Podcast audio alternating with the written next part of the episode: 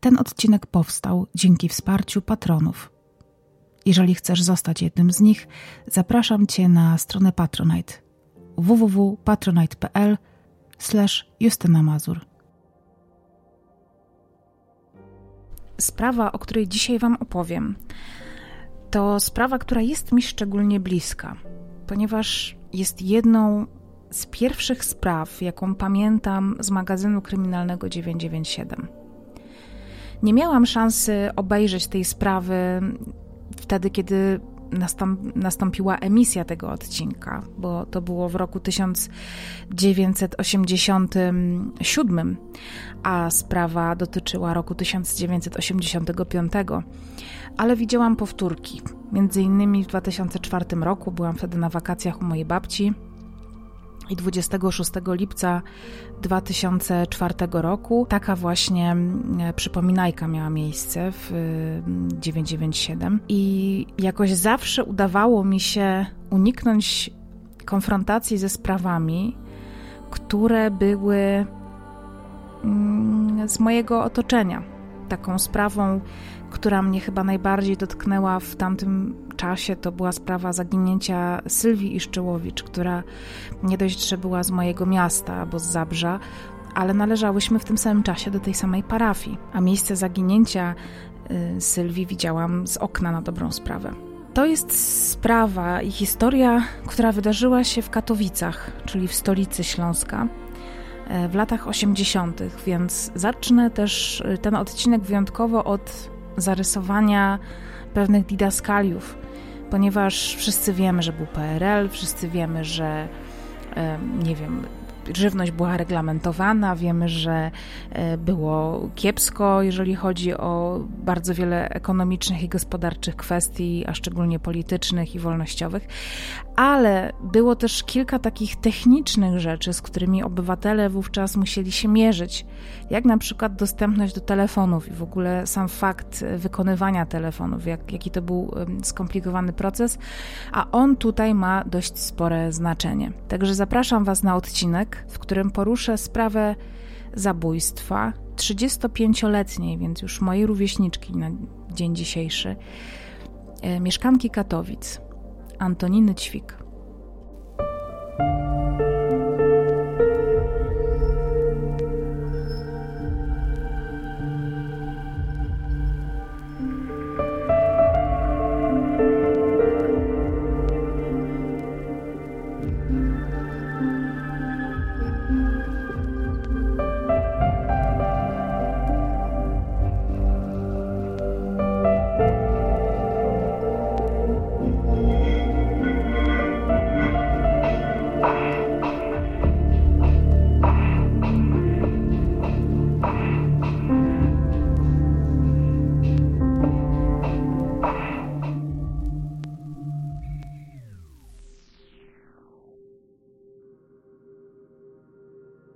Odcinek chciałam zadedykować wiernej słuchaczce Dadze.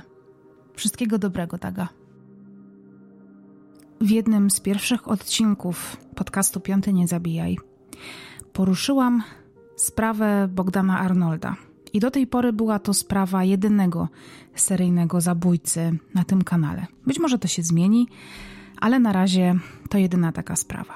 Wtedy też przy okazji tamtego podcastu narysowałam nieco klimat Katowic lat 50. i 60., które były miastem bardzo szarym, bardzo smutnym, bardzo podzielonym, a jednocześnie wymieszanym. Oprócz tego było to miasto, w którym bardzo łatwo było zachować anonimowość. Wszystko dlatego, że Polska Rzeczpospolita Ludowa inwestowała w przemysł ciężki. Na Śląsku więc było mnóstwo takich zakładów przemysłowych, y, które zajmowały się właśnie takim przemysłem ciężkim. I do pracy w takich miejscach potrzebne były ręce, a właściwie to setki i tysiące par rąk. To oznaczało, że trzeba na ten Śląsk i też do Zagłębia ściągnąć jak największe masy ludzi gotowych do pracy. W związku z czym, zarówno e, w Zagłębiu, jak i na Śląsku, znalazło się mnóstwo osób z całego kraju. I to z najodleglejszych właściwie stron. Z przeróżnych warstw społecznych, na przykład byli to ludzie, którzy całe życie chowali się na wsi, zajmowali się, nie wiem, wypasaniem krów. Na przykład moi dwaj wujkowie tak znaleźli się w kopalni i próbowali się odnaleźć w mieście. Y, oni próbowali swoich sił właśnie y, w Zabrzu i, i, nie odnaleźli się. A z kolei ich siostra, moja babcia, y, kiedy czy no nie uciekła z domu, ale postanowiła, że wyjeżdża, bo ona na wsi nie chciała mieszkać, mm, to jako piętnastolatka trafiła właśnie do pracy w hucie Beldon w Katowicach. Mój dziadek również opuścił właśnie taką małą wiejską miejscowość i przyjechał pracować w kopalni KWK Makoszowy w Zabrzu.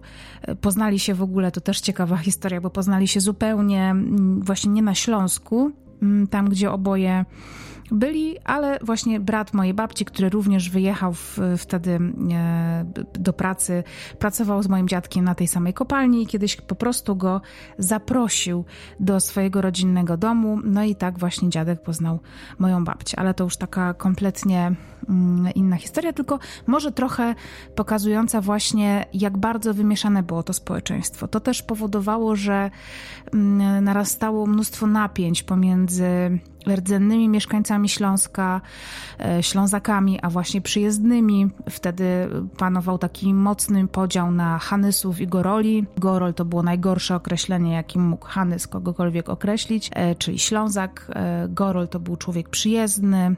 Niestety panował taki stereotyp, że Gorol to wieśniak.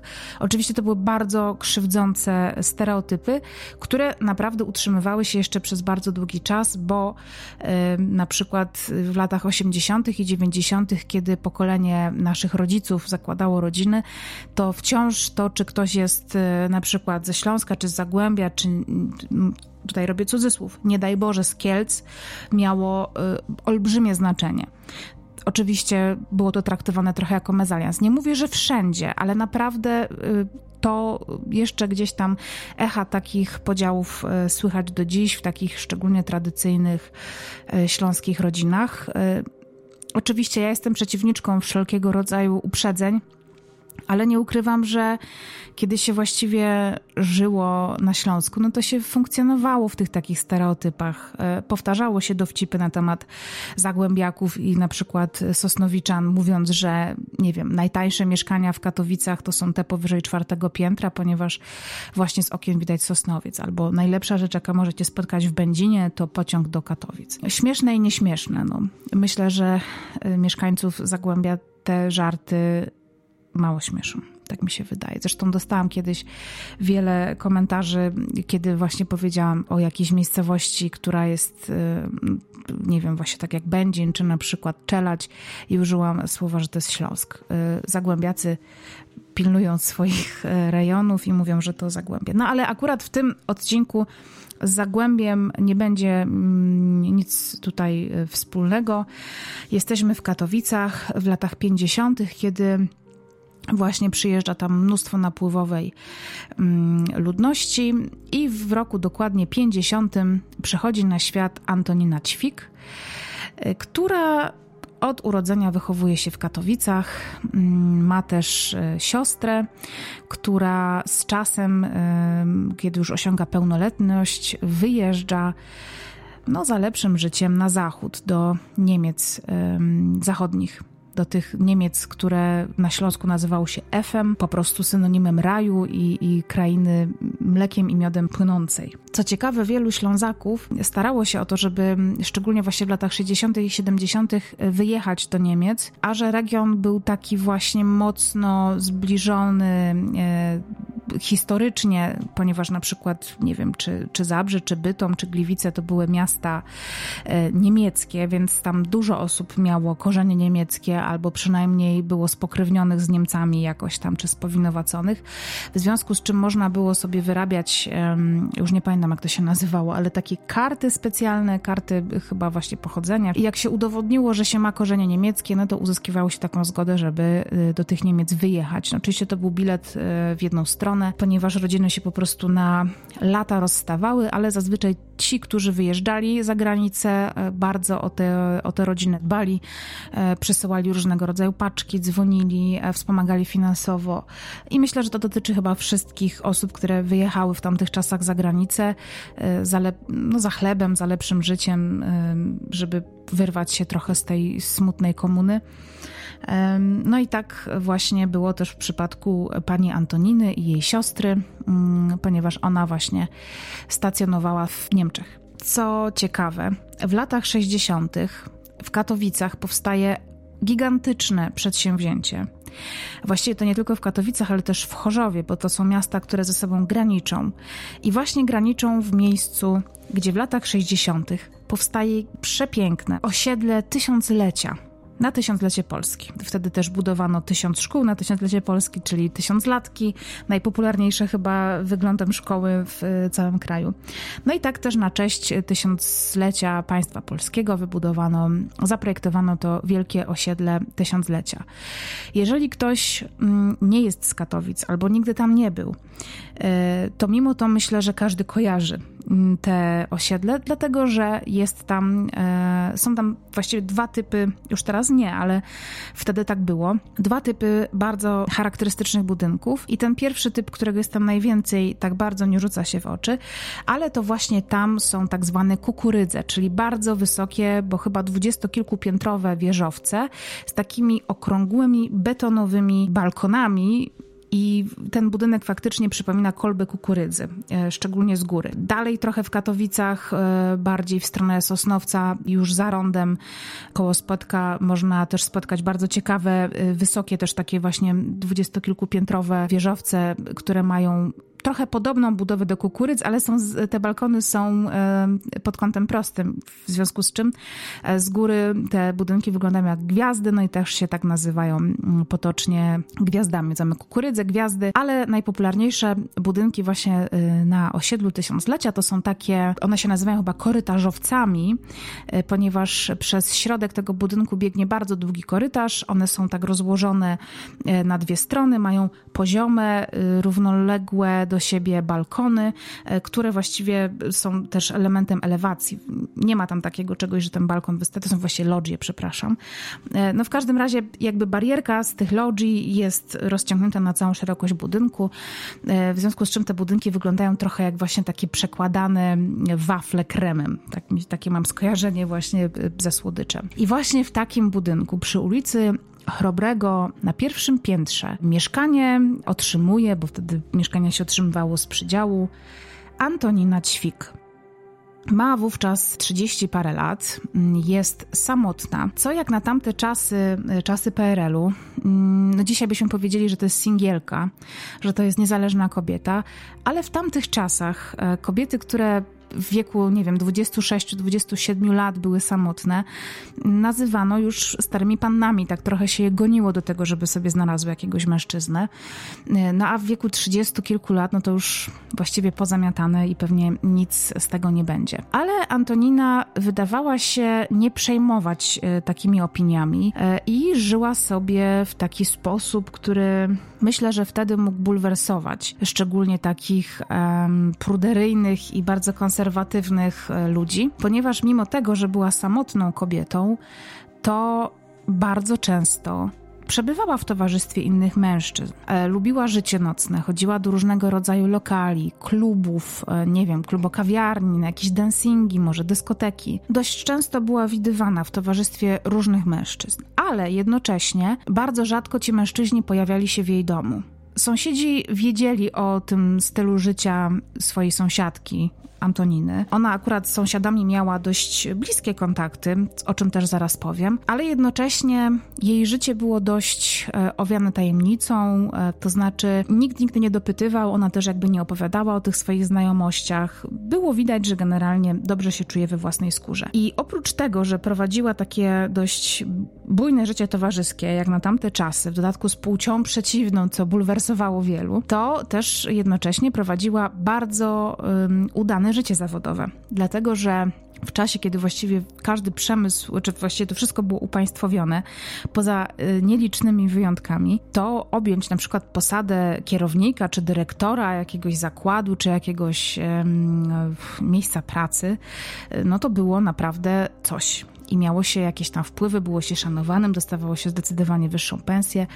No i właśnie Antonina Ćwik pracowała w centrali, która zajmowała się skupem złomu, czy w ogóle pozyskiwaniem jakichś takich odpadów przemysłowych. Tam zajmowała to stanowisko kierowniczki, bardzo dobrze jej tam szło. Y, ona też dostawała bardzo y, taką przyzwoitą wypłatę, no i też y, otrzymywała różnego rodzaju bonusy. Miała też dość rozległe znajomości takie powiedzmy, które dzisiaj moglibyśmy nazwać wpływowymi. Jedną z takich znajomości była znajomość z panem Jackiem, który był żonaty, y, który był też bardzo towarzyski i miał przede wszystkim znajomości w centrali telefonicznej i ta znajomość nie opierała się tylko na takich kontaktach towarzyskich, ale ona też była mocno skupiona wokół, no nie, nie powiem interesowna, bo jednak interesowność narzuca taki pejoratywny wydźwięk. W każdym razie pan Jacek miał w domu telefon. Mówię o latach 80., początku lat 80. Telefonu nie mieli wszyscy w domach telefon miał ktoś, kto albo miał super szczęście, żeby ten telefon y, otrzymać. Na telefon się czekało kilkanaście lat. I to jeszcze nawet trwało w latach 90., gdzie moi dziadkowie, właśnie, którzy wyjechali e, do województwa radomskiego, sobie tam żyć na emeryturze, wówczas to było radomskie województwo, w 93 roku złożyli wniosek o podłączenie im telefonu stacjonarnego i ten wniosek został rozpatrzony pozytywnie w 2003 roku, czyli 10 lat.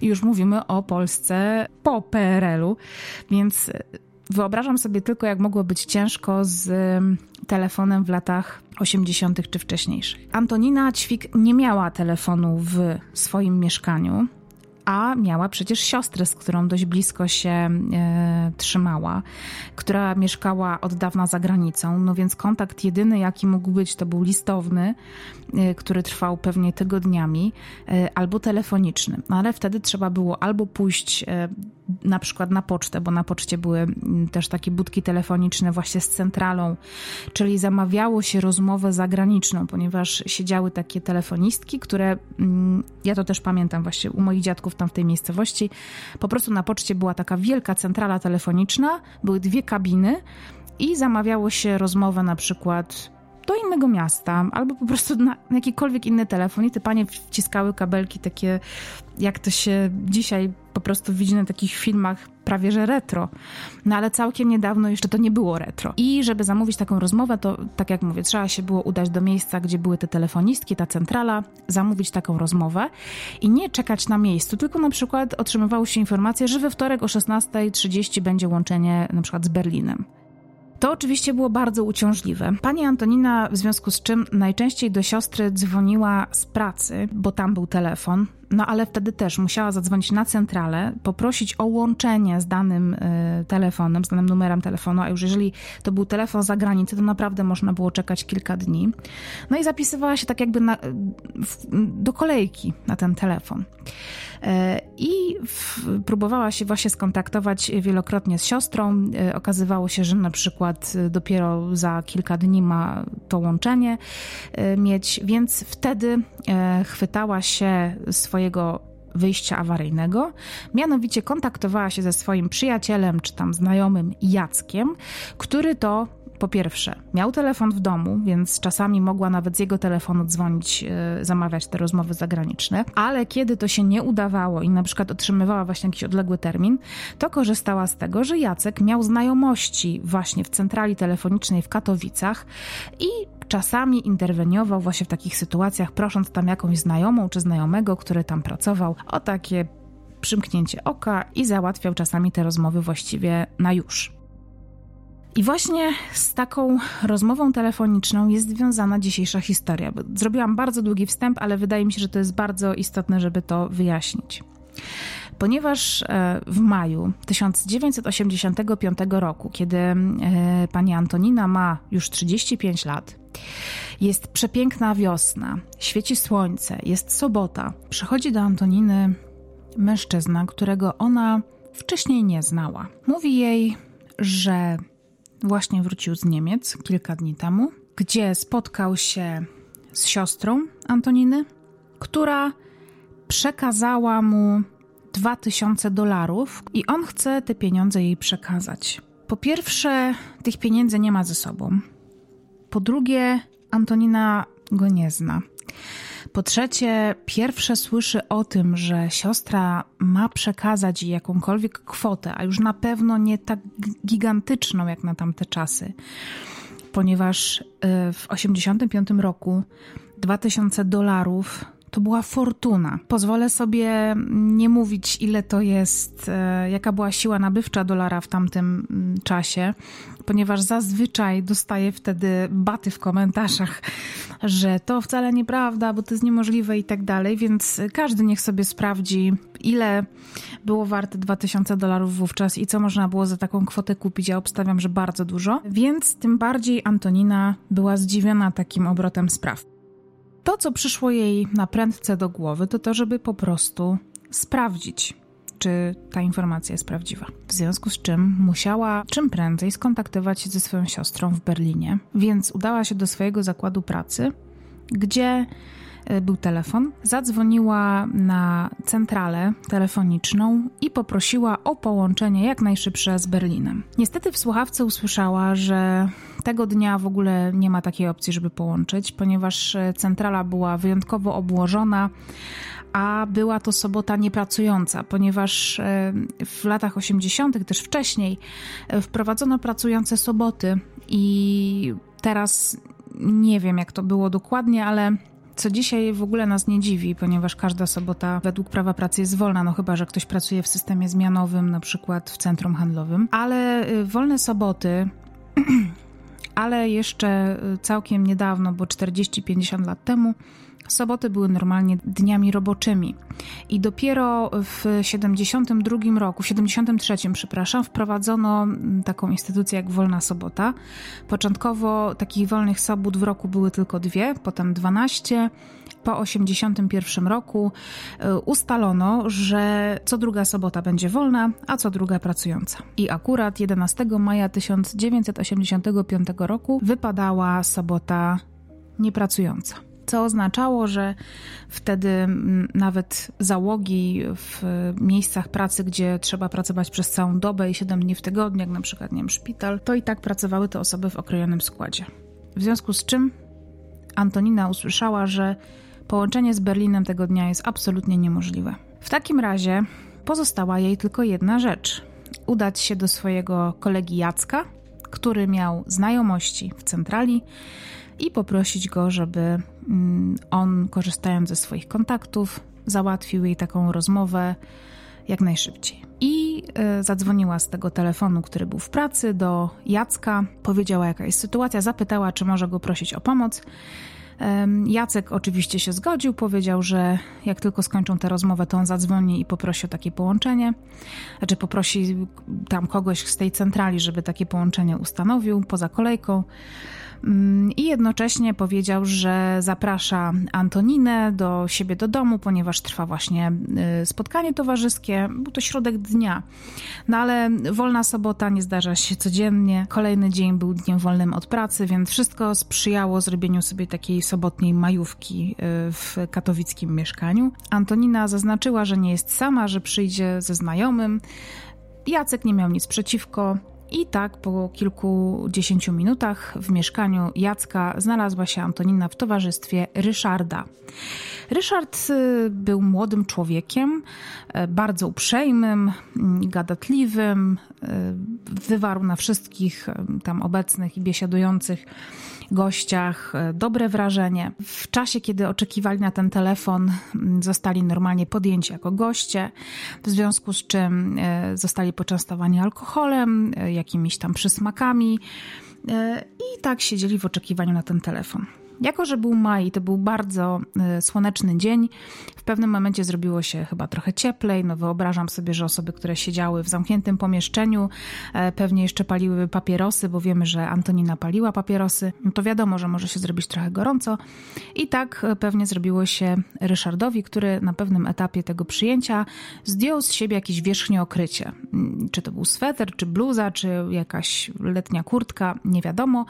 W każdym razie, kiedy się rozebrał, oczom wszystkich biesiadników ukazał się e, tatuaż na jego przedramieniu. E, drobny tatuaż, ale w takim dość specyficznym e, kształcie, ponieważ był to kształt tarantuli, jakiegoś pająka. No i to przykuło uwagę gości. Na pewnym etapie tej imprezy rozdzwonił się dzwonek telefonu. Jacek podniósł słuchawkę i okazało się, że dzwoni ktoś z centrali z informacją, że właśnie łączy z Berlinem. W związku z czym pan Jacek e, doczekał do, do momentu, w którym połączył się faktycznie z siostrą e, pani Antoniny i przekazał Antoninie słuchawkę. Antonina zaczęła od razu od e, przejścia do konkretów i powiedziała: Słuchaj, jest ze mną Rysiek Rysiek mówi, że y, przyjechał właśnie do Polski, że was znam i że daliście mu jakieś pieniądze dla mnie. Siostra Antoniny jest bardzo zdziwiona, mówi, że czy ty zwariowałaś w ogóle? Ja nie znam żadnego Ryśka, w ogóle nie wiem o co chodzi, żadnych pieniędzy ci nie przekazywałam. E, więc y, Antonina pyta, czy na pewno, bo on tutaj jest i on jest pewien, że, że to wy i że to ja, no bo skąd miałby znać moje dane, mój adres. Powołuje się na znajomość z wami, no to jest bardzo dziwna sytuacja. I siostra mówi, no naprawdę nie wiem w ogóle o co chodzi, to musi być jakaś pomyłka, a ten człowiek cię oszukuje, no nie mam, nie przekazałam ci żadnych pieniędzy, na pewno nie tak dużych. Więc Antonina wpada na pomysł, żeby po prostu doprowadzić do konfrontacji, więc oddaje słuchawkę yy, Ryszardowi, który tam już się wyrywa e, i mówi, że sam chce porozmawiać z siostrą. No kiedy Ryszard podchodzi do telefonu, mówi takim przyjaznym głosem, tak jakby e, znał się z siostrą Antoniny od wielu, wielu lat. E, ale ta rozmowa bardzo szybko y, się kończy. Ryszard mówi, że przerwało połączenie. Y, później siostra też to potwierdzi, ale najprawdopodobniej po prostu Ryszard odłożył słuchawkę. Tak możemy się dzisiaj domyślać. No i on mówi, że, że w ogóle wszystko jest ustalone, że on wszystko już wyjaśnił z tą siostrą.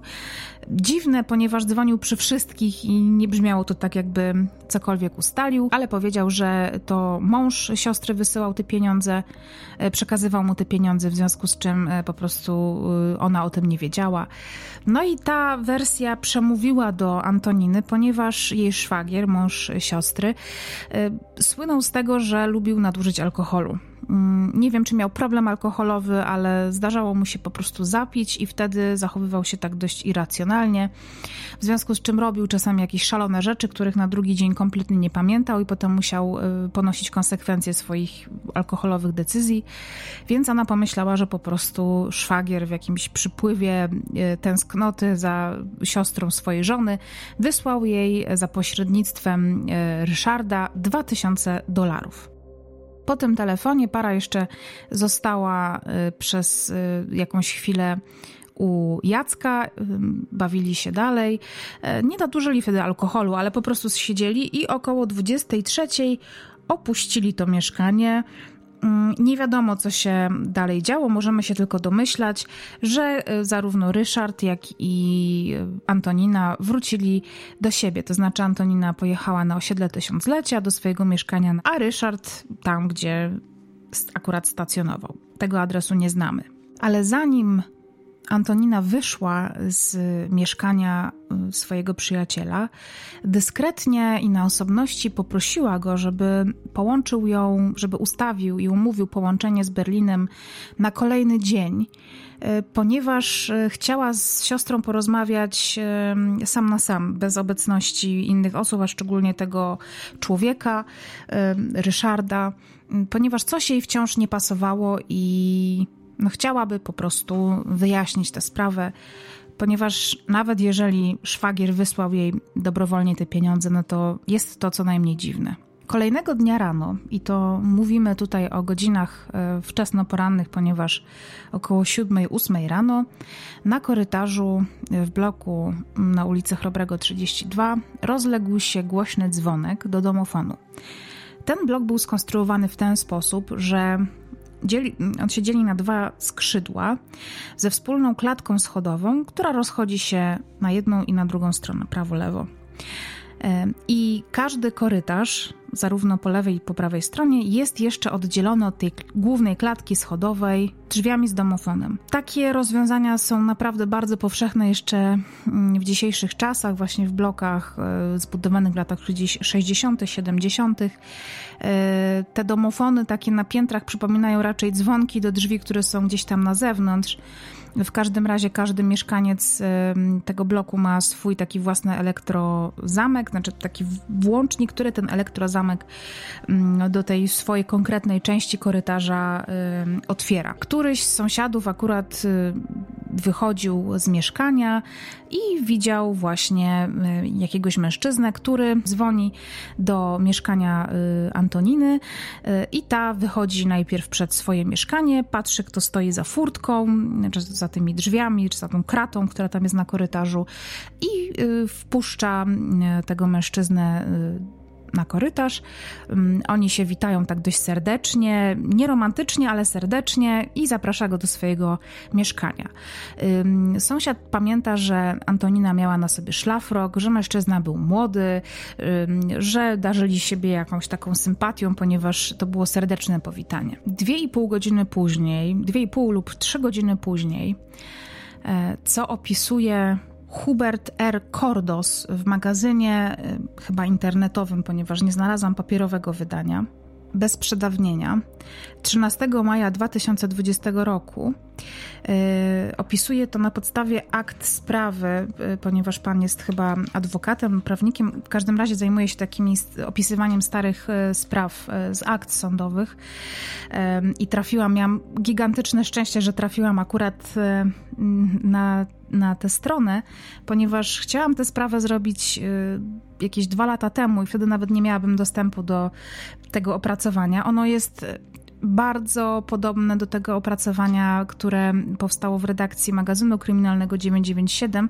Jednak jest tu kilka szczegółów oraz dodanych informacji, które nastąpiły po emisji tamtego programu, w związku z czym też na tym źródle się opieram, ale bardzo Wam polecam bez przedawnienia blogspot y, chyba com, taki jest adres.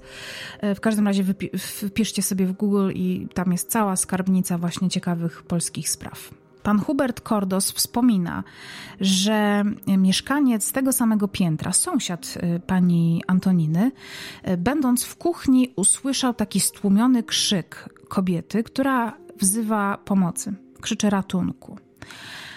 Jako, że była niedziela i wszyscy byli w domach, on nie za bardzo mógł zlokalizować y, ten krzyk, mm, ale postanowił, że będzie nasłuchiwać, czy coś się dalej dzieje.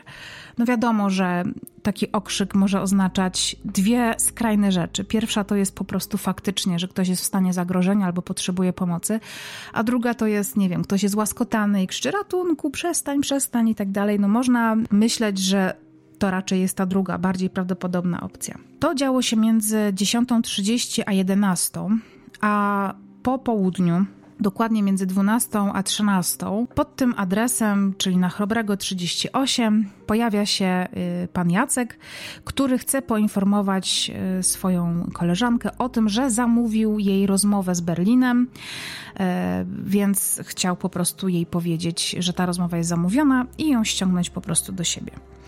W każdym razie e, pan Jacek wchodzi do budynku, idzie na pierwsze piętro, dzwoni tym domofonem e, na klatkę, ale nikt mu nie otwiera, w związku z czym w końcu mija się z jakimś sąsiadem czy sąsiadką, czy dzwoni pod inne mieszkanie, pod inny numer, prosi o wpuszczenie, jako że jest kojarzony jako przyjaciel e, Antoniny, jest wpuszczony, no ale kiedy dzwoni już konkretnie do drzwi um, Antoniny czy puka, nikt mu nie otwiera. On jest bardzo zdziwiony tym, dlatego że no, był umówiony z Antoniną. Jej bardzo zależało na tym telefonie do Berlina, więc był mm, bardzo zszokowany tym, że kobieta po prostu sobie wyszła e, z mieszkania.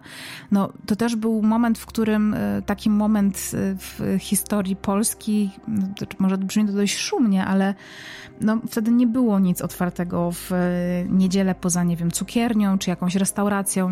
Nie było mowy o tym, że jest jakiś sklep całodobowy. Więc e, nic pilnego nie mogło się takiego wydarzyć, że na przykład, nie wiem, zabrakło jej nagle szamponu do włosów, papieru toaletowego, że mogłaby na przykład na, wyjść na jakieś 5-10 minut. Um, on był przyzwyczajony do tego, że jeżeli Antonina zamawia u niego ten telefon, to po prostu czeka w domu, aż on po nią przyjdzie, no bo nie miał się inaczej jak z nią skontaktować. Um, zostawia um, więc kartkę, którą wtyka za wizytówkę e, na drzwiach. Wtedy jeszcze mnóstwo osób miało wizytówki. Dzisiaj to też już jest relikt. W czasach, kiedy dane osobowe są bardzo e, ściśle chronione, to nawet już nie ma nazwisk na domofonach. Kiedyś to też było e, powszechne. Wychodzi z bloku i zauważa jeszcze, że pod blokiem stoi Fiat 126P, czyli maluch, którym Antonina jeździła. Więc to tylko mu uświadamia, że albo faktycznie musiała wyjść, nie wiem, może do sąsiadki na jakieś piętra, ale on na tym korytarzu dość sporo czekał. No i Antonina się nie pojawiła, nie otworzyła mu drzwi, w związku z czym był mocno zaskoczony, ale w tej kartce napisał, na tej karteczce, którą jej zostawił, napisał, że ta rozmowa jest umówiona e, i żeby się jak najszybciej e, do niego udała, ponieważ to połączenie z Berlinem po prostu może jej przepaść. Kiedy pan Jacek znika e, z bloku przy Chrobrego 38, e, pod tym samym adresem, na ławeczce czy gdzieś tam na placu przed e, tym blokiem, siedzi sobie kilku chłopców, którzy spędzają sobie wolny dzień. Siedzą na ławce czy na trzepaku, no i po prostu sobie spędzają czas. I oni pamiętają doskonale, że około 13, 13.30 e, ktoś wychodzi właśnie z bloku mm, przy tej ulicy, przy, z bloku numer 38 e, i idzie do białego Fiata 126P. I tutaj też chcę przypomnieć tylko, że to były czasy, kiedy wcale tak niedużo osób miało samochody. Już miało dużo więcej niż w latach 70 ale to wciąż było niewiele. To znaczy, parkingi nie były takie jak dzisiaj, że są, że naprawdę musimy szukać miejsca parkingowego, tylko te samochody tak po prostu sobie stały. I każdy, kto e, mieszkał w jakimś bloku, no to doskonale wiedział, czyj samochód jest czyj. Dzisiaj też może wiemy, ale myślę, że jednak w zdecydowanej mniejszości. Kiedyś po prostu każdy wiedział, kto czym jeździ, kto jak się nazywa. Takie po prostu były czasy. I ktoś widzi, że do tego samochodu, którym zazwyczaj się porusza pani Antonina, wsiada jakiś młody mężczyzna, i odjeżdża. Chociaż raczej trzeba tutaj powiedzieć, że próbuje odjechać, dlatego że tym samochodem cały czas szarpie, silnik um, się albo dusi i, i, gaśnie, czyli tak jakby ktoś nie wie, jak używać skrzyni biegów. Um, potem nagle tak bardzo głośno gazuje, więc widać było, że, że osoba, która wsiadła do tego samochodu, albo nigdy nie jechała wcześniej maluchem, ale raczej wyglądało to na to, że osoba ta y, nie potrafi prowadzić samochodu. Zresztą w tamtych czasach, jeżeli ktoś już miał prawo jazdy, to na 99% jechał kiedyś maluchem, bo były po prostu cztery samochody na krzyż y, i właściwie wszystkie się obsługiwało tak samo. I to wszystko dzieje się w okolicach 13, przed 14 i dwie godziny później, o 16, do swojego mieszkania wraca młoda dziewczyna, nastolatka, która mieszka w tej samej części korytarza co pani Antonina i ona zauważa, przechodząc obok jej mieszkania, otwarte drzwi, to znaczy uchylone, że te drzwi nie są zamknięte. Czasami tak się dzieje, na przykład ja teraz mieszkam w takim bloku z lat 70., że jak ktoś na przykład coś smaży czy coś gotuje, to otwarcie drzwi e, na korytarz i przy jednoczesnym nie wiem, otwarciu okien w mieszkaniu czy balkonu, po prostu robi przewiew i to mieszkanie można szybciej wywietrzyć, szczególnie jeżeli chce się pozbyć jakiegoś zapachu. No jest to niedziela, powiedzmy można, nie wiem, gotować jakiś obiad, no ale ta nastolatka nie zauważa y, żadnego zapachu na klatce i, i raczej w tej całej sytuacji odczuwa pewnego rodzaju niepokój, ponieważ jak tylko wchodzi do swojego mieszkania, to mówi o tym swojemu ojcu, który również wydaje się tym faktem zaniepokojony i postanawia sprawdzić, co się stało w tym mieszkaniu. Więc najpierw e, puka do drzwi, nikt się nie odzywa, e, wchodzi do tego mieszkania, widzi, że w łazience e, pali się światło, sprawdza, czy może kobieta zasłabła w łazience, ale łazienka jest pusta. No i kiedy trafia do dużego pokoju, widzi, że szuflady są wyciągnięte, szafki pootwierane. Na środku tego pokoju jest wielka kupa różnego rodzaju ubrań, kartek, dokumentów, szpargałów. No wygląda tam po prostu okropnie. Natomiast po kilkunastu sekundach czy kilkudziesięciu sekundach mężczyzna zauważa coś jeszcze gorszego, ponieważ spoś, spod tej fury ubrań wystają stopy, gołe stopy i mężczyzna już się domyśla, że pod tą stertą rzeczy leży jego sąsiadka. Tak się zresztą dzieje. E, prosi od razu córkę, żeby jak najszybciej wezwała milicję. Mm, ta to robi mm, a on sam e, zostaje z kobietą. E, no i niestety swoim, być może amatorskim, ale jak się okazuje, skutecznym okiem ocenia, że kobieta nie żyje. Za chwilę na miejscu pojawia się e, milicja obywatelska, tam jest chyba trzech czy czterech funkcjonariuszy. Oni stwierdzają zgon kobiety na miejscu. Pierwsze, co im przychodzi, co właściwie rzuca im się w oczy, to to, że e, Antonina ma zdarte e, z siebie rajstopy, majtki też ściągnięte tak do połowy kolan, że leży na brzuchu, jest skrępowana, ręce ma związane z tyłu. No, wygląda to tak, jakby tutaj do tej zbrodni miało dojść na tle seksualnym.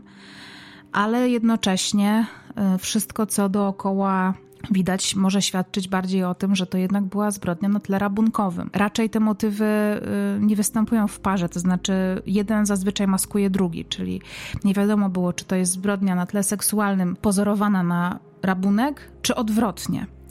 E, ale szybko śledczym zaczyna się wydawać, że jednak chodziło o właśnie o taki scenariusz, dlatego że w mieszkaniu odkrywają e, całkiem spore sumy pieniędzy, bo aż 200 tysięcy złotych mm, i kilkadziesiąt bonów e, PKO. To też był jakiś taki rodzaj papierów wartościowych, nie wiem jak to powiedzieć. No w każdym razie to, to, to było coś wartościowego, więc jeżeli ktoś chciał obrabować kobietę, no to raczej ukradłby jej te pieniądze. Chyba, że szukał czegoś innego, no ale nie wiadomo czego. 200 tysięcy ówczesnych złotych mm, stanowiło wielokrotność średniej miesięcznej pensji. E, pan Kordos pisze w tekście, że stanowiło to mniej więcej dziesięć, dziesięciokrotność średniej krajowej na tamten czas. No więc niemała fortuna. E, sekcja zwłok wykazała, że pani Antonina mm, mogłaby przeżyć ten atak, ponieważ sekcja zwłok ujawniła, że kobieta nie została przez swojego sprawcę zamordowana, że udusiła się, bo taki był, taka jest przyczyna zgonu, była przyczyna zgonu, e, ale nie na skutek na przykład zadzierzgnięcia czy zatkania dróg oddechowych, nie wiem, w jakiś e, sposób, nie wiem, tak jak rękami, czy, czy twarz się przytrzymuje, zatykając usta i nos, tylko po prostu um, Zmarła najprawdopodobniej będąc już sama w mieszkaniu po napaści, e, dusząc się właściwie pod tą stertą rzeczy, bez, mając ograniczony dostęp do powietrza, co jest jeszcze smutniejsze i bardziej tragiczne w tej sytuacji. No, szybko wszczyna się śledztwo w tej sprawie. Poinformowana zostaje oczywiście siostra e, pani e, pani Antoniny. No i ona od razu mówi o, o jakimś Ryszardzie, z którym kobieta się widziała wcześniej. No ale żadnego Ryszarda y, o podobnych danych y, nie daje się, nie udaje się znaleźć. Mm, sąsiedzi też zostają przesłuchani. Zostaje przesłuchany pan Jacek, który razem z biesiadnikami widział tego mężczyznę i w taki sposób powstaje też e, portret pamięciowy. E, który mm, zwraca uwagę na to, że to jest młody mężczyzna, że ma ciemne, takie dość gęste włosy, że ubiera się młodzieżowo i że ma przede wszystkim to, co najważniejsze, tatuaż pająka na ręce. Co ciekawe, w magazynie kryminalnym 997, właśnie z lat jeszcze 80., podano taką informację, że pani Antonina zmarła na skutek samoistnego uduszenia się, kiedy po prostu jej ciało zostało tam, kiedy została pozostawiona przez swojego sprawcę lub sprawców. Ale pan Hubert Kordos y, y, pisze w swoim artykule, że ustalono w Zakładzie Medycyny Sądowej Śląskiej Akademii Medycznej imienia Ludwika Waryńskiego w Katowicach, że przyczyną zgonu było uduszenie E, w mechanizmie zagardlenia poprzez dławienie denatki obcą ręką. E, ponieważ na szyi ujawniono e, takie charakterystyczne dla tego rodzaju śmierci ślady, więc to jakby ja, ja tego nie, nie mogę zweryfikować, więc tylko mówię, że takie były dwie e, informacje podane w mediach. I potem ta przyczyna śmierci również została podana w magazynie kryminalnym 997 w 2004 roku. Pan Kordos pisał e, tekst e, w zeszłym roku, więc tutaj no to jest jakby świeższe źródło i też na podstawie akt sprawy, więc wydaje mi się, że jest bardziej wiarygodne. No pozostaje też oczywiście pytanie, co z samochodem, ponieważ to też jest kwestia tego, że tego samochodu nie ma.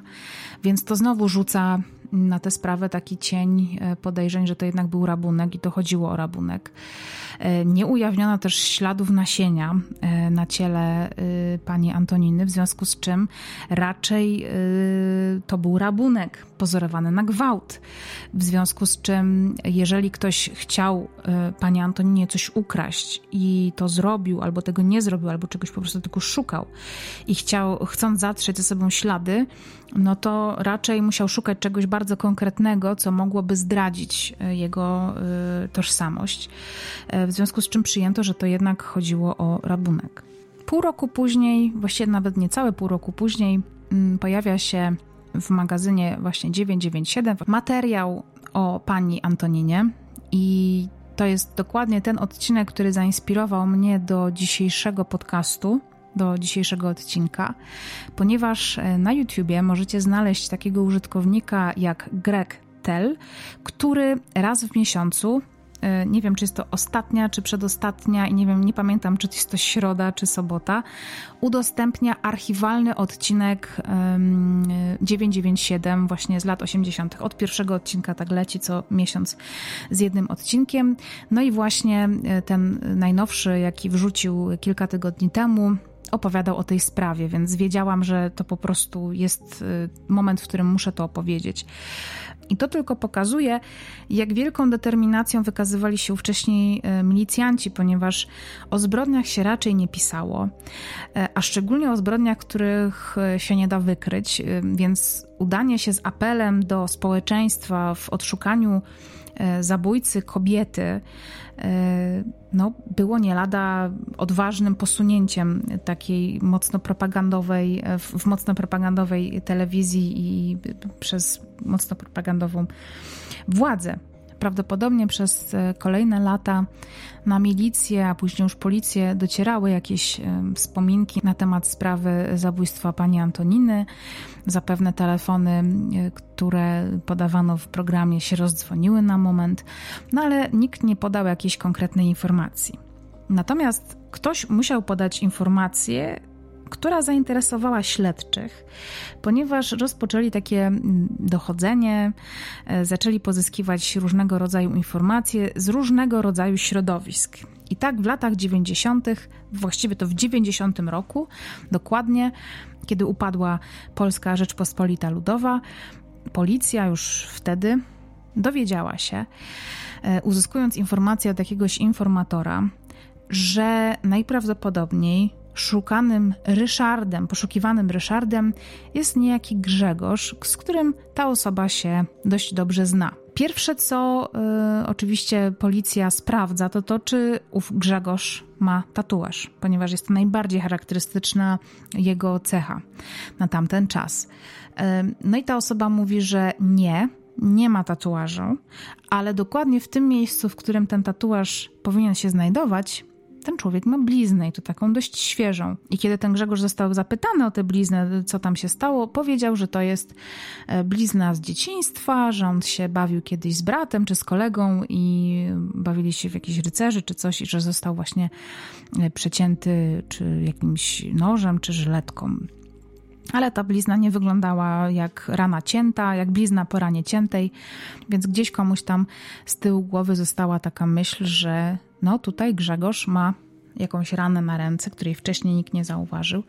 Yy, I że to tak trochę z wyglądu pasuje, odpowiada temu rysopisowi, mm, portretowi pamięciowemu. No i jeszcze ta blizna. Oczywiście też w programie chyba było powiedziane, że, e, że nawet ta osoba może już teraz nie mieć tatuażu, tylko właśnie może mieć bliznę po nim.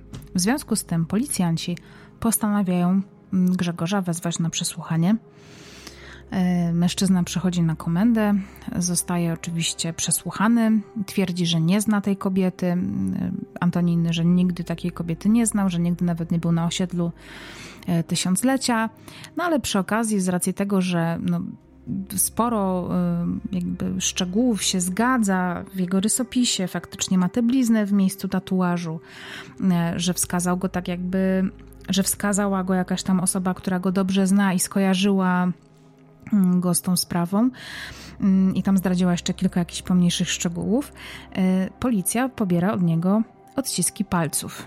I kiedy porównują wszystkie zabezpieczone ślady daktyloskopijne z miejsca zbrodni Antoniny e, Ćwik, e, uzyskują no, wynik zgodny. I ponad wszelką wątpliwość ustalają, że Grzegorz w tym mieszkaniu się znajdował, w związku z czym kłamie mówiąc, że nie znał Antoniny, że nigdy nie był w jej mieszkaniu i staje się tym samym głównym podejrzanym. Zostaje zatrzymany. Następuje mm, okazanie e, go świadkom, którzy widzieli go e, z, razem z Antoniną tamtego dnia między 11 a 12 maja. No i co się okazuje?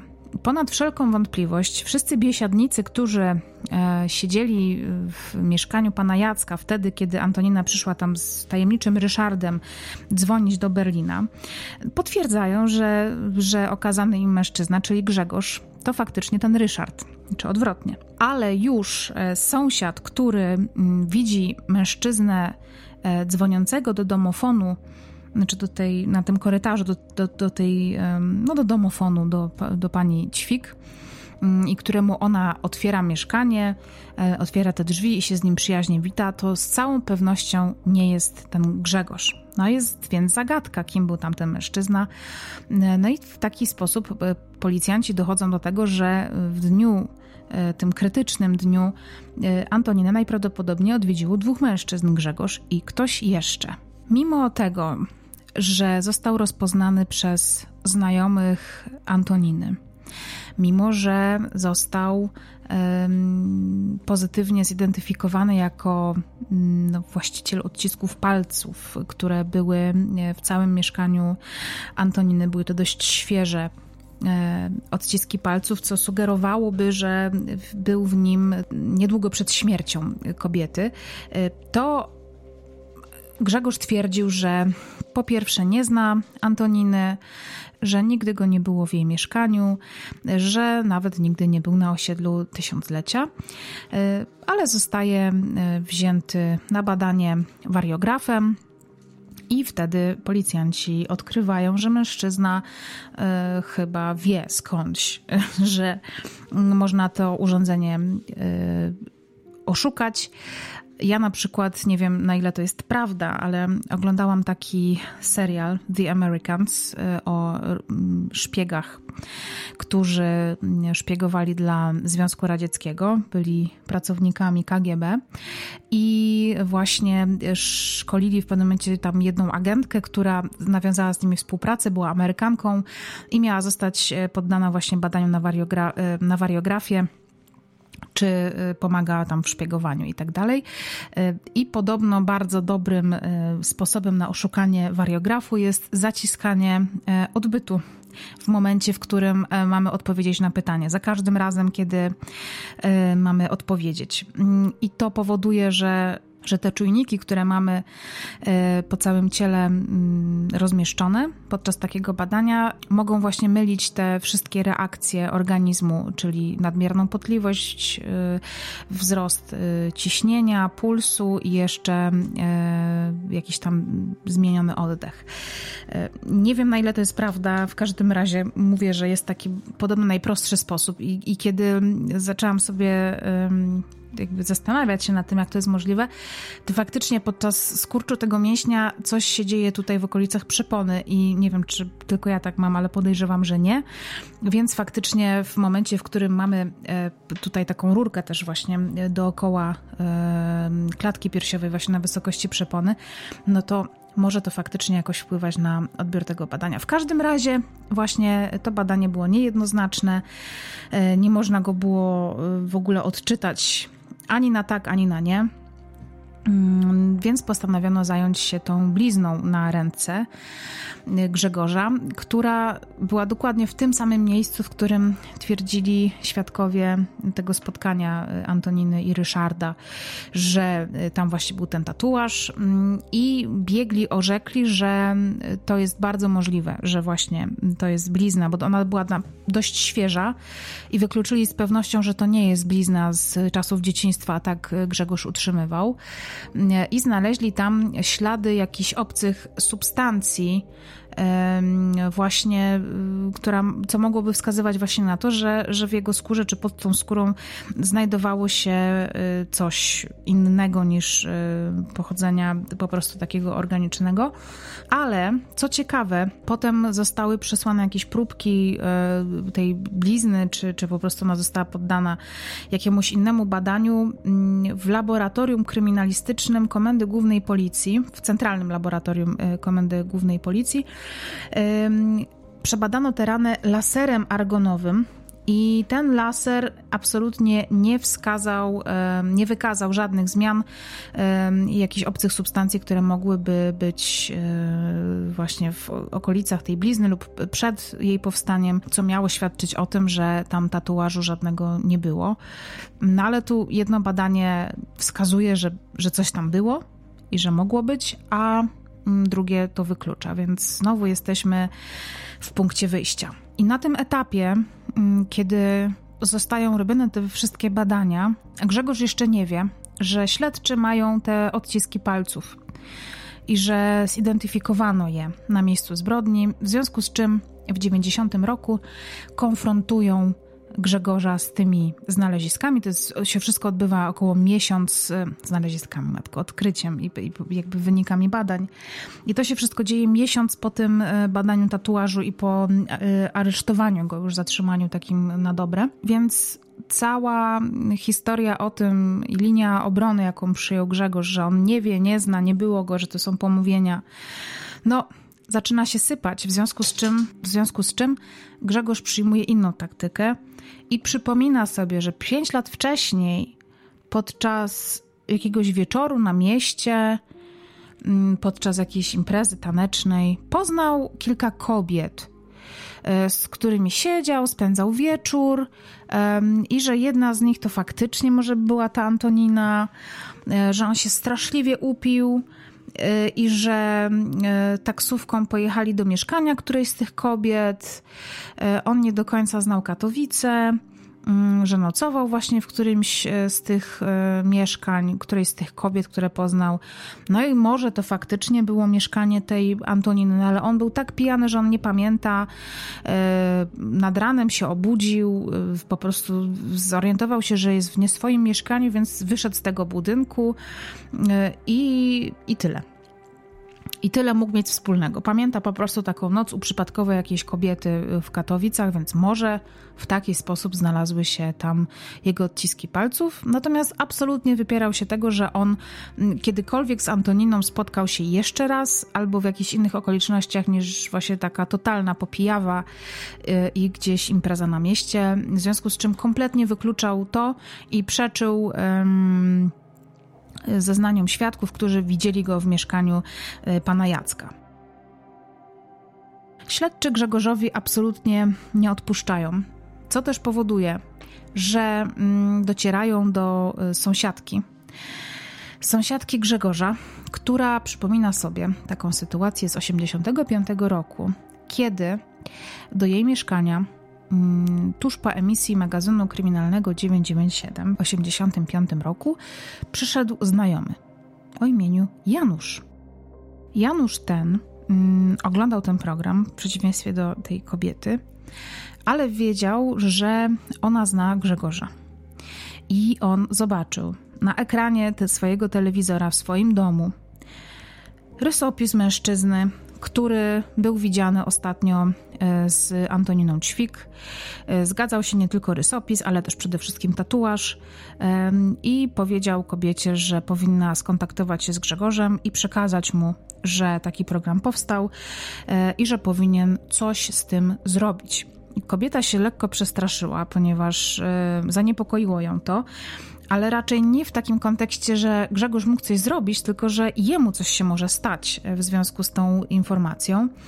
I kiedy e, po kilku dniach gdzieś tam go spotkała, czy dotarła do niego i powiedziała mu o tej sytuacji, to e, mężczyzna za nie mówił. Zamarł, pobladł, e, nie wiedział w ogóle, co ma powiedzieć. I jedyne, co właściwie było, jak, może, być uznane za jakikolwiek komentarz do tej sprawy, to to, jak on ma to zrobić. No i wtedy kobieta e, poleciła mu, żeby rozgrzał w ognisku czy w piecu łopatę i przyłożył ją sobie do e, ręki. No i kolejnego dnia, kiedy spotkała znowu Grzegorza, e, czyli swojego sąsiada, zobaczyła, że ma obandażowaną rękę, na której właśnie wcześniej miał tatuaż pająka. Historia, y, którą właśnie kobieta sprzedaje policjantom, mm, czy sprzedaje, no opowiada policjantom, świadczy o tym, że najprawdopodobniej zmieniła swój stosunek do Grzegorza w ciągu tych pięciu lat, ponieważ już tak bardzo się o niego nie martwiła, tylko raczej wiedziała, że skoro policja przychodzi go szukać, a już nie tylko ktoś raz go widział w telewizji, to prawdopodobnie jego, to coś musi być na rzeczy, w związku z czym była ze śledczymi szczera i zgodziła się nawet na konfrontację z Grzegorzem. I kiedy do tej konfrontacji doszło, nie wycofała tych zeznań. Mówiła w, w twarz Grzegorzowi, że przecież poinformowałam cię o tym, że byłeś w telewizji, że o ciebie szukają. Powiedziałam ci, bo pytałeś, jak usunąć tatuaż y, i ty na drugi dzień go usunąłeś, no ale Grzegorz wszystkiemu zaprzeczał, w oczy mówił jej, że to jest nieprawda, że on nigdy nie miał żadnego tatuażu. No i można sobie pomyśleć, że po co jest taka konfrontacja, skoro wciąż nic nie wiemy. No ale konfrontacja właśnie ma doprowadzić do sytuacji, w której e, jeżeli ktoś kłamie, to może skonfrontowany z osobą, e, która, której to kłamstwo dotyczy, e, po prostu przyzna się, że to nie jest prawda, no bo i on i tamta osoba wiedzą, że to nie jest prawda. A tutaj, kiedy dwie osoby pozostały przy swoich stanowiskach, no to można to uznać za to, że jedno z nich na pewno mówi prawdę, albo właśnie y, przyzna się, że, że kłamała, albo zmięknie i weźmie tę stronę drugiej osoby, ponieważ na przykład się przestraszy konsekwencji y, takiego zeznawania y, na czyjąś niekorzyść. No w sytuacji, w której obie strony pozostają przy swoich argumentach, świadczą, że któraś z tych stron najprawdopodobniej kłamie, czy z pewnością kłamie. No i to też daje potem śledczym jakąś taką wiedzę y, która z tych stron najprawdopodobniej to robi. Do tego służą przecież inne, inne jeszcze dowody czy poszlaki. W każdym razie należało się też przyjrzeć temu Januszowi, no, który też zareagował w taki sposób, że jakoś od razu pokojarzył, że to chodzi o, y, o Grzegorza, że przyszedł do sąsiadki, sugerując, że Grzegorz się powinien ukrywać, więc też nie zachowywał, nie zachował się y, jak na prawdziwego obywatela porządnego przystało, żeby dopaść zabójcę kobiety. Um, więc policja oczywiście dociera do Janusza. I między słowami kobieta przemyca taką informację, że Janusz, czyli ten mężczyzna, który doniósł um, o tym, że poszukiwany jest Grzegorz przez 997 jako Ryszard, e, przypomniała sobie, że Janusz jej kiedyś mówił, że mm, pojechali razem z Grzegorzem do Katowic, gdzie brali udział w jakiejś libacji alkoholowej e, na osiedlu w Katowicach u jakiejś bogatej e, kobiety. I tak się dobrze bawili, że postanowili mm, się z tą kobietą e, zabawić, ale ona nie chciała, więc obaj ją zgwałcili. I z racji tego, że mm, ona w jakiś sposób mogłaby ich y, pokojarzyć, w sensie po prostu wskazać jako sprawców, postanowili, że ją zabiją. I kiedy wychodzili z bloku, mm, to okazało się, że na osiedlu tam zaraz obok jest kościół i że była y, pierwsza komunia święta, mm, no i że było bardzo dużo tam osób. Mm, ale to z jednej strony działało, y, mogłoby być postrzegane jako y, fatalny zbieg okoliczności, ponieważ nagle y, przybywa świadków potencjalnych jakiegoś dziwnego wydarzenia, ale z drugiej strony właśnie w takim tłumie jest dużo łatwiej zniknąć i uwaga na pewno nie była skupiona na okolicznych blokach i klatkach schodowych, tylko na dzieciach w białych ubraniach. Policja więc postanawia sprawdzić, e, czy to, co mówi, e, czy to, co powiedział Janusz wiele, wiele lat wcześniej swojej sąsiadce, czy tam koleżance, może być prawdą, w związku z czym sprawdzają, czy faktycznie. Kiedy w tamtym czasie odbywały się komunie święte mm, w Katowicach. No i okazuje się, że jedyna wtedy y, komunia święta na osiedlu tysiąclecia była właśnie w tym kościele obok, niedaleko bloku Antoniny i właśnie było to 12 maja, czyli w dzień śmierci kobiety. Pojawia się też świadek, który opowiada o tym, to jest zupełnie nowa osoba, że pewnej majowej niedzieli wybrał się razem z Januszem e, do Katowic, e, właśnie na osiedle tysiąclecia, gdzie Janusz miał coś załatwić dla jakiejś zamożnej kobiety. E, zaparkowali pod blokiem, ten mężczyzna został w samochodzie i kiedy jego kolega długo nie wracał, poszedł do niego mm, tam do tego mieszkania, w którym on się spotkał z kobietą. Był świadkiem wszystkich wydarzeń i parę dni później, kiedy spotkali się e, w trójkę razem Janusz, e, Grzegorz i jeszcze ten trzeci mm, mężczyzna, to przy Grzegorzu powiedział takie słowo, że niepotrzebnie Janusz zabijał tę kobietę w, w niedzielę. Kiedy pętla wokół Janusza się zaciska, e, mężczyzna czując już pismo nosem, ucieka, zaczyna się ukrywać. Zostaje za nim wysłany list gończy prokuratura wojewódzka w Katowicach postawiła Januszowi zarzut y, umyślnego spowodowania śmierci, no zabójstwa y, Antoniny Ćwik, y, działanie wspólnie w porozumieniu z Grzegorzem. I w przeciwieństwie do Grzegorza był bardzo sprytny, bo też mówiąc tutaj o tym, że te, ta pętla się zaciska, Y, to Janusz już chyba myślał wcześniej o tym, że na prędzej czy później y, gdzieś tam zacznie się, że policja zacznie się wokół niego kręcić. I w 1988 roku, czyli jeszcze nie wiedząc, że system w Polsce padnie, postarał się o wyjazd do Niemiec, gdzie uzyskał obywatelstwo i to obywatelstwo zdążył uzyskać przed tym, kiedy policja postanowiła go szukać międzynarodowym listem gończym co chroniło go jako obywatela Niemiec przed ekstradycją do Polski. Nie wiem, czy dzisiaj też by tak było. W każdym razie na tamten moment y, Janusz był właściwie to nie do ruszenia na, y, przez polskie y, organy ścigania. To spowodowało, że trzy miesiące później e, Grzegorz, jako osoba, która, której udało się udowodnić właściwie tylko obecność razem z Antoniną w mieszkaniu pana Jacka, ale nie udało się udowodnić e, tego, że był rano widziany, e, że był rano w niedzielę u Antoniny, ponieważ świadkowie go nie rozpoznali, ale z trzeciej strony można z całą pewnością potwierdzić, że w mieszkaniu Antoniny był, ponieważ były tam jego odciski palców w każdym razie uznano, e, że te dowody są e, niewystarczające, żeby postawić mu akt oskarżenia, postawić go w akt oskarżenia, w związku z czym został zwolniony z aresztu, mm, a śledztwo wobec niego zostało umorzone. Natomiast e, prokuratura zdecydowała się na to, żeby mm, śledztwa mm, i w ogóle sprawy przeciwko Januszowi nie kończyć, tylko je zawiesić. No i kiedy Janusz zupełnie nieświadomy tego, że wciąż w papierach fu funkcjonuje i widnieje jako poszukiwany. 10 lat później postanowił przyjechać e, do Polski i został od razu przez e, policję zatrzymany na granicy, ponieważ e, przekraczał ją już w latach 2000, ale przed tym jak wstąpiliśmy do strefy Schengen, w związku, w związku z czym podczas zwykłej rutynowej kontroli paszportowej został zatrzymany mm, i zostały mu postawione wszystkie zarzuty. Zatrzymano go, został umieszczony w areszcie, ale umożliwiono mu wyjście za kaucją, e, co zresztą uczynił i jako jeden z niewielu e, obywateli Polski, znaczy myślę, że okej, okay, może teraz przesadzam, ale wydaje mi się, że ktoś, e, kto jest oskarżony z artykułu 148, czyli mówiącego o zabójstwie i to nieprzypadkowym mm, i nie nieumyślnym, mm, odpowiada z wolnej stopy, a Janusz tak właśnie robił.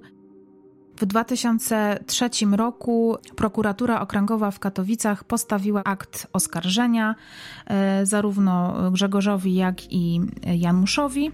I po sześciu latach e, trwania tego procesu, kiedy mężczyźni odpowiadali z wolnej stopy, co jest w ogóle dla mnie absurdalne, żeby w sprawie o zabójstwo, gdzie są świadkowie, którzy zostali przecież też e, sprawcom e, ukazani, e, czy okazani, z którymi oni zostali skonfrontowani i których przez te lata procesu mogli spokojnie zastraszać.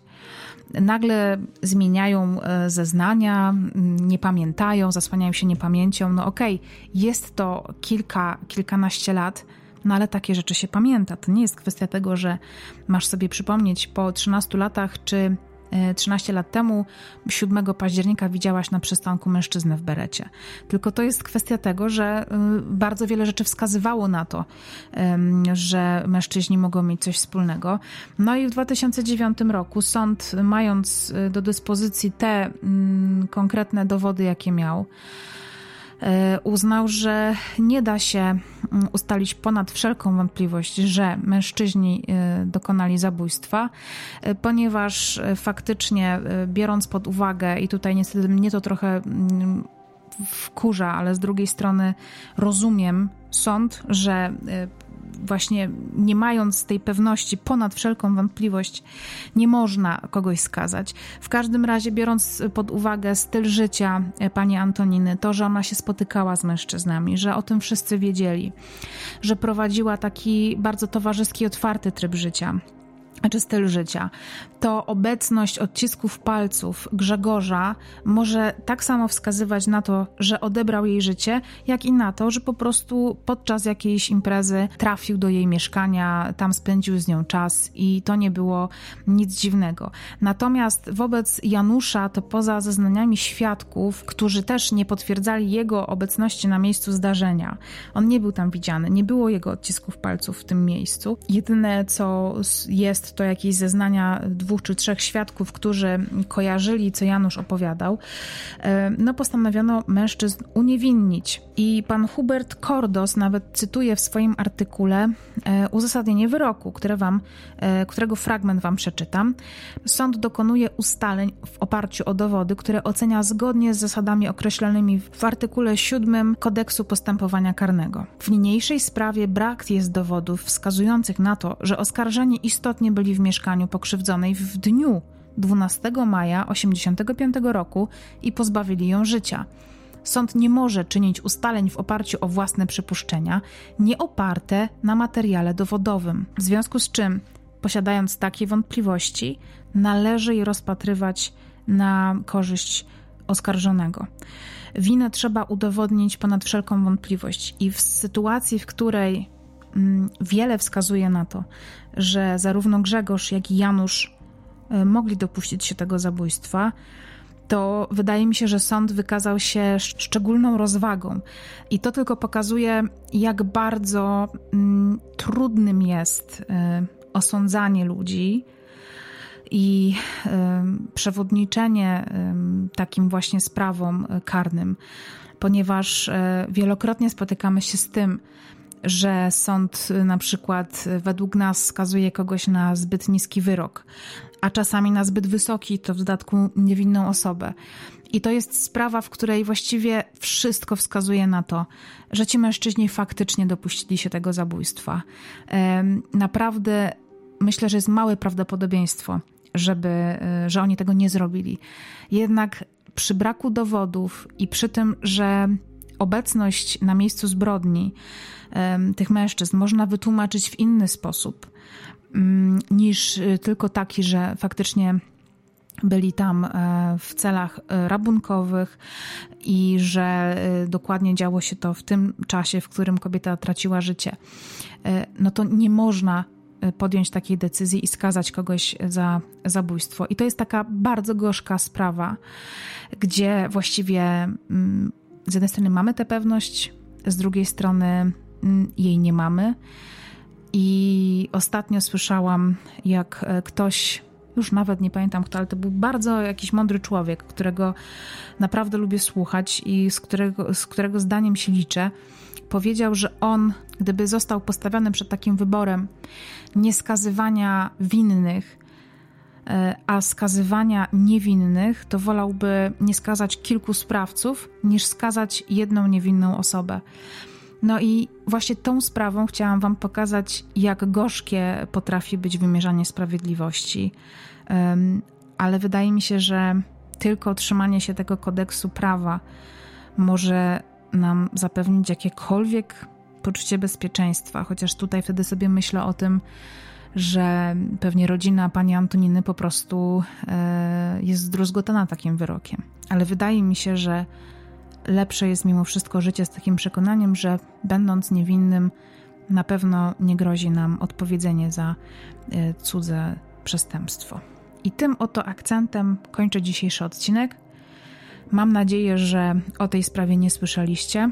Polecam jeszcze raz czasopismo bez przedawnienia, które chyba dostępne jest tylko w internecie, ponieważ ja naprawdę przeszukałam e, wiele miejsc w sieci, żeby znaleźć e, papierową jakąś wersję. Mm, I polecam Wam właśnie e, ten, ten cykl cały bez przedawnienia Huberta R. Cordosa, który świetnie tę sprawę opracował, e, rozwijając zdecydowanie e, ten odcinek 997, który dostępny jest na kanale Greg Tela, e, Grega Tela na YouTubie i, i, wszystkim miłośnikom tej tematyki, e, ale także takiej historycznej e, telewizji i w ogóle tego, w jaki sposób Polska wyglądała i funkcjonowała jeszcze w czasach PRL i minionej epoki, to zapraszam Was właśnie na ten kanał mm, i tam znajdziecie raz w miesiącu pełny odcinek, mm, czy cały odcinek 997 jeszcze z czasów PRL. I na koniec jeszcze chcę powiedzieć jedną rzecz, że wiem, że sporo z Was jest ze mną w grupie Piąte Nie Zabijaj, jednak e, po mm, dłuższym zastanowieniu i po ostatnich kilku bardzo nieprzyjemnych sytuacjach chcę powiedzieć, że w tej grupie e, nie ma miejsca na krytykowanie innych twórców. Jeżeli jest prośba o polecenie innych kanałów, to jak najbardziej polecajcie ale nie chcę, żeby w mojej grupie, której ja jestem jakby właścicielką, e, adminką, której daję e, swoje, nie wiem, imię, nazwisko i którą, za którą się czuję odpowiedzialna, e, pojawiały się treści, które obrażają innych twórców. Mamy, każdy z nas ma prawo do tego, żeby czyjeś materiały lubić, czyjeś nie lubić, ale ja osobiście, nawet jeżeli nie lubię czyjegoś materiału, to naprawdę nie mam potrzeby, żeby pójść i pisać mu o tym komentarz, albo iść na inną grupę, albo u siebie pisać negatywne komentarze. Jeżeli macie zastrzeżenia do danego twórcy, i faktycznie są to takie zastrzeżenia, które dotyczą, nie wiem, etyki, e, czy może jakichś błędów merytorycznych, to zawsze można mu to napisać w wiadomości prywatnej. Zawsze to można zrobić miło.